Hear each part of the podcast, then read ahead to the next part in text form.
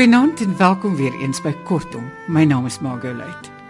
Vanaand gaan ons na twee verhaaltjies luister van Andrei P. Brink en ek sê nou verhaaltjies ek is regtig nie lief vir klein woorde nie, maar dit is twee kort kort verhale. Die eerste een wat ons gaan lees is Die Sweier van Andrei P. Brink. Baie mense ken dit en trouens, ehm um, dis op versoek wat ons dit gaan lees. En dan die volgende een is Die Klap van die meul. Chris van die kerk gaan dit alles vir ons lees. Ek het hierdie verhale gekry in die bundel Alles goed en wel lagstories na willekeur van Lapa Uitgewers. Kom ons luister daarna. Lekker luister. Jare gelede het hy by my aangekom, die stil man van die koop. Die eerste wat ek van hom verneem het, was toe hy eenmiddag skakel. "Meneer Brink?" vra hy. "Ja," sê ek want ek is nie 'n man wat sommer lieg nie. O, oh, sê hy. En toe raak hy doodstil. Hallo, vra ek na haar, is jy nog daar? Ja, sê hy. O, oh, sê ek. Toe raak dit weer stil. En ek vra weer, hallo. Ons het mos klaar hallo gesê, sê hy. Pause. Is dit alright as ek môre middag oorkom? vra hy. Om te vra ek. Oorkom, sê hy. So 5 uur. Ek kom Gramstad toe. Uh, waar bly jy? Troebelwater, sê hy. Dis net oor die 200 myl ver. Die saak verwonder my. Wat het jy op die hart? vra ek. Hy antwoord nie. Hallo, vra ek. Totsiens sê hy. Tot môre. Die hele volgende dag het dit my gepla. En teen 5:00 die middag het hy opgedaag. Dis moeilik om te sê hoe hy gelyk het, want hy het nie eintlik gelyk nie. Hy was sommer net daar. Soos wat 'n vatdoek oor 'n wasbak se rand na heel party jare sommer net daar is. Of 'n onpaar sokkie met 'n gat in die toon. Daar was iets mistroostig klewerigs omtrent hom. Die soort klewerigheid wat 'n mens aan 'n deurknop kry in 'n huis waar daar klein kindertjies woon. Glim noem vriende se klein goed daardie soort taai. Woordeboekmakers teken dit aan. Middag, sê ek. Middag, sê hy. Ons gaan in my studeerkamer sit nie sommer so 'n sit nie, maar 'n sit wat jou stadig aan laat besef dat jy sit. 'n Sit wat in jou sit kom sit. Wat jy nou eintlik kom doen, vra ek naderhand belangstellend. Ek het gekom, sê hy. Toe sit hy weer. Moet jy nog verder ry? Nee, ek het mos na jou toe gekom. Toe begin dit my eers intrigeer. Mense ry tog nie 200 myl om te kom sit nie. Ek het jou jongste boek gelees, sê hy skielik. Daar kom dit, dag ek.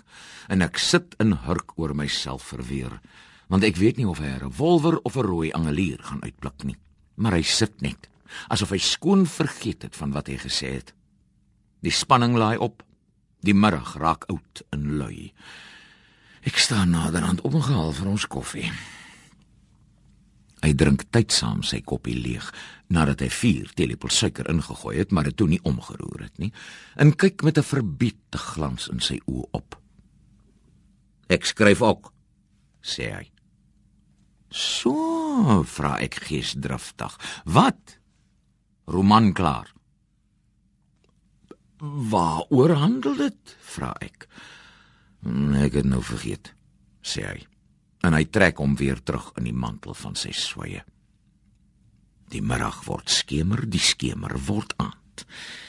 Jy sê my nou moet verskoon sê ek ek moet die baba gaan help bad. Hy sê niks. Sit net sy ondeurgrondelike sit. Toe ek terugkom van die baddery, sit hy nog in presies dieselfde houding en kyk skaars op toe ek binnekom. Jy eet seker vanaand hier? vra ek met 'n tikkie moedeloosheid. Ja, sê hy. Kom ons gaan koop curry by die kafee. My vrou voel ongelukkig nie vanaand lekker nie. Wil jy saam ry? Hy ry saam. Sê niks. Ons gaan koop die curry en kom daarmee terug. Gaan sit aan. Vir my vrou knik hy sonder na aan sê. Net toe sy vir hom wil inskep, sê hy: "Eet nie curry nie." Toe voel ek dat iets agter my kiewe begin roer, maar ek sê niks. Ek sê vir jou 'n eier gaan bak, bied my vrou aan. Nee, wat sê hy? Hy eet maar 'n stukkie brood en drink 'n koppie tee. Daarna begin my vrou brei en ek sit en hy sit. Kort kort probeer ek of sy iets sê of uitvra, maar as hy reageer, dan is dit net mm of mm. -mm. Hou jy van musiek? Vra ek met klimmende desperaatheid. Nee, sê hy. Ons sit. Uur na uur trek slakke strepe oor die aand. 9 uur kan my vrou dit nie meer hou nie. Wil jy nie gaan bad nie? vra sy vir hom.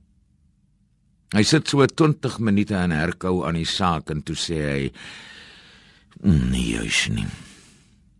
Dit jou laat ontspan en vaak voel, sê sy. 25 minute duur dit voor hy sê ek is klaar ontspanne en vaak. Hoe lyk dit dan met gaan slaap? Hy oorweeg dit lankdurig. Toe.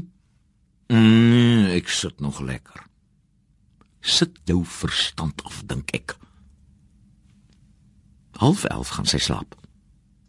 Nag sê hy en bly sit. Nou gaan dit kom dag ek en ek verskuif op my stoel en staar hom stip in die oë. Hy bly roerloos sit met sy lang bene ver oor die mat uitgestrek.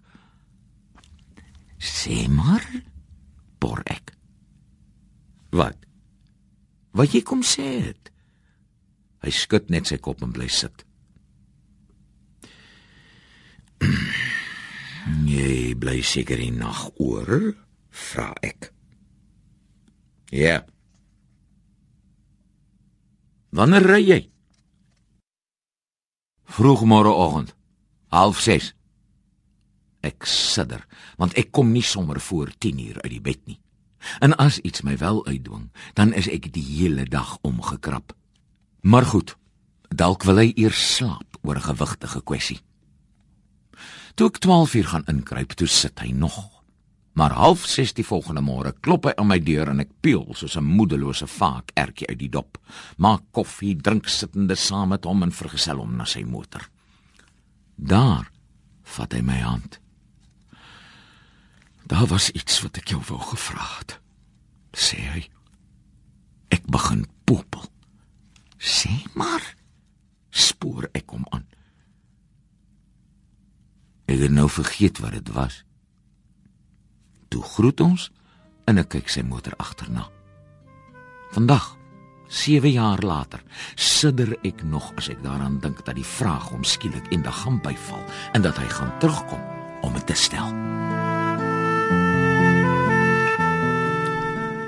Dit was die sweier wat Chris van die kerk vir ons gelees het. En dis 'n verhaal van Andre P. Brink wat in alles goed en wel lagstories na willekeur van Lapa Uitgewers verskyn het.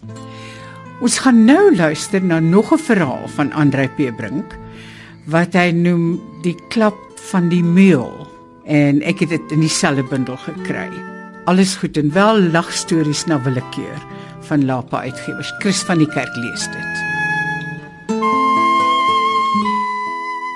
My vriend Frank, die Engelse skilder, kon altyd so uitvaar teen sy landgenote. By die eerste en beste geleentheid het hy dan ook uitgewyk Parys toe voor hy hom in Stockholm gaan vestig het. Wat my van die Engelse rasend maak het hy eendag gesê, is dit: As ek hier in Parys in die metro per abuis op 'n man se toon trap, dan sal hy my net daar invlie en die hele waar sal daarvan weet en selfs begin deelneem aan die alterkasie. En voor ons by ons onderskeie bestemmings afklim, sal ons of gesore vriende of gesore vyande wees. Maar as ek in Londen my hak op iemand se voet neersit, sal hy sy kop effens wegdraai en deur ver voor hom uitkyk asof hy van geen sout of water weet nie. En hoe harder ek trap, hoe verder sal hy uit sy pad gaan om die indruk te skep dat ek enigiets op aarde doen behalwe om op sy voete trap. Maar ek het al meermale gewonder, hierdie vermoë om mens toe te maak vir jou medemens, is dit regtig 'n angelsaksiese eienskap? En as dit is, hoe diep sit ons self daarvan deurtrek nie? Die gasvryste volk op aarde, louter twak. Veral as ons ergens in die openbaar verkeer, wil ons van ons naaste net mooi niks weet nie. Dis nie uit 'n gebrek aan medelee dat ons verseg om iets in die bedelaar se hoed te gooi nie, dis omdat ons nie betrokke wil raak nie. Ons wil daar uitbly. Ons wil tog nie op straat in die verleentheid kom nie. Iets hiervan het die teater al lankal besef. Dis die dat soveel van die hedendaagse drama probeer om met skoktaktieke tot ons deur te dring en ons vooropstellinge af te breek. Dat ons nuut kan leer kyk. Dat ons weer 'n keer kan oopmaak vir indrukke in mense. Maar die lewe is nou ook weer anders as die teater. En gewoonlik is ons maar al te geneig om diegene wat ons afronteer met hulle andersheid te beskou as vrinne wat onder die windmeel deurgeloop het. Dit het ek nou ander dag weer beskaamd gedink. Beskaamd ook oor myself toe ek en 'n paar vriende een middag in die sitkamer van 'n Kaapse hotel gaan gesels. Dit was 'n snikwarm dag in Januarie en die Kaapse voggehalte was hoog. En toe ons by die hotel aankom, ek en my vriend Pieter en sy vriendin, het ek en hy albei al ons baadjies oor die skouer. Maar met die instap kom een van daardie olierige meerderwaardige heeroowerstes van die hotel nader gesluip en vra ons met sy hooghartige gemoduleerde stem om asseblief ons baadjies aan te trek. Ons kan nie so onordentlik gekleed in sy heilige der heilige instap nie. Nou ja, Mens raak seker ook gewoond aan Suid-Afrika se hotelle wat nou almal skielik sterretjies gekry het, soos as 'n mens jou kop sleg gestamp het, en dan dink die son sit eers in hulle gerestoreerde anatomie gemonteer.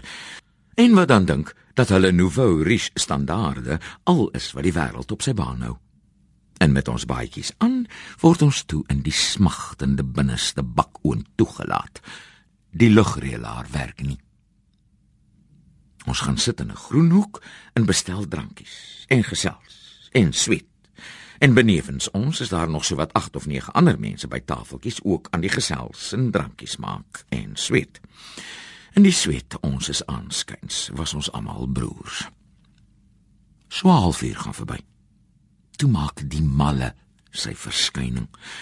Of dan Hy het van tevore al sy verskyning gemaak, maar niemand het hom gewaar voor daardie besondere oomblik toe hy sy leë glasie neersit en die trane die rol oor jou bokkie begin sing nie.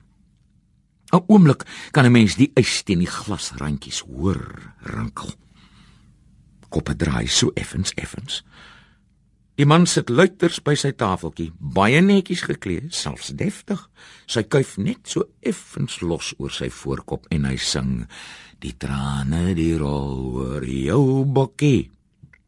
Nie baie sleg nie, nie baie goed nie, nie oorverdowend nie, maar gewis ook nie sag nie.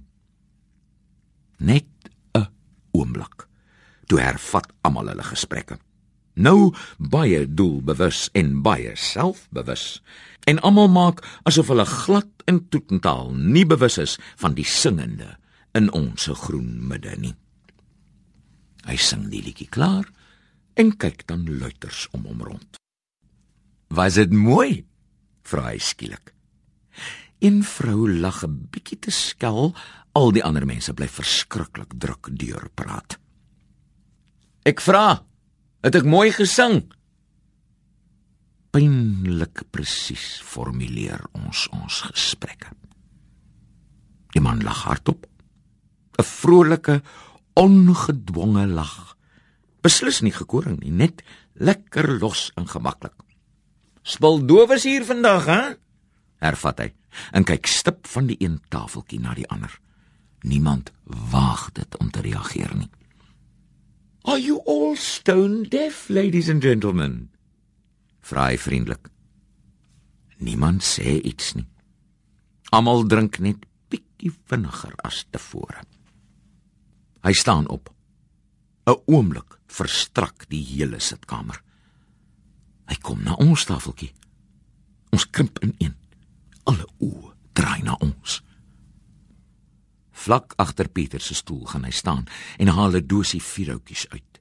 Met groot sorg kies hy een vuurhoutjie uit die dosie en hou dit na Pieter se vriendin uit.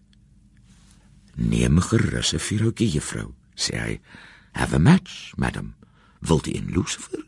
Voici un allumette pour vous, mademoiselle." Linda sit met haar kop penorent.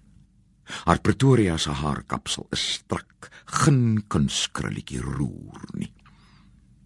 Wat van die maniere? Gentlemen, monsieur, herren. Ek en Pieter praat nastig met mekaar en maak of die man glad nie bestaan of nog nooit op die periferie van ons lewens verskyn het nie. Fooi tog, sê die kerel, steeds baie vriendelik. En hy loop na die volgende tafeltjie. En so gaan hy voort van die een groepie na die ander. Niemand sê vir hom boe of ba nie. Nadat hy vader Kloete se ronde gedoen het, keer hy terug na sy eie sitplek. Hy kry sy sit en hy begin praat. Heeltemal bedaard, maar baie duidelik. Hier sit ek, sê hy. Ek probeer nou 'n halfuur om iemand se aandag te trek om net kontak te maak met 'n enkele mens in 'n stad wat ek nie ken nie. Wat sou julle doen as ek stuipe kry op die vloer? As ek 'n hartaanval kry en hier doodgaan? Doodse stilte. Wat sou julle doen? vra hy met 'n skielike glimlag. As ek en hy staan kalm en deliberaat op en hy begin sy baadjie uittrek. O, frek, fluister Linda. Hy gaan 'n striptease hou. Nou is dit absoluut choopstil. Maar net 'n half minuut. Toe kom daar 'n jong windmeelietjie van die deur af nader gestorm van effese kelner met woerende waaiende arms. "Meneer," sê hy, "dit word nie hier toegelaat nie." En hy sleur die man aan sy arm na buite. "Hier is baadjies verplig te terug." Van die deur af waai die man vir oulaas in ons rigting. "Bravo!" roep hy. En nie een van ons weet mooi hoekom nie. Vir ons omdat ons so onverstoorbaar was of vir homself omdat hy sy speletjie uitgespeel het of vir die kelner omdat die ten minste gereageer het.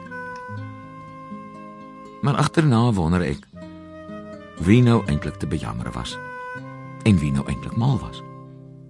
Hy wat probeer gesels het of ons wat so opgerig in ons eie afsonderlikheid bly sit. Of die hotel wat ons op so 'n vrek warm dag laat baadjie dra het.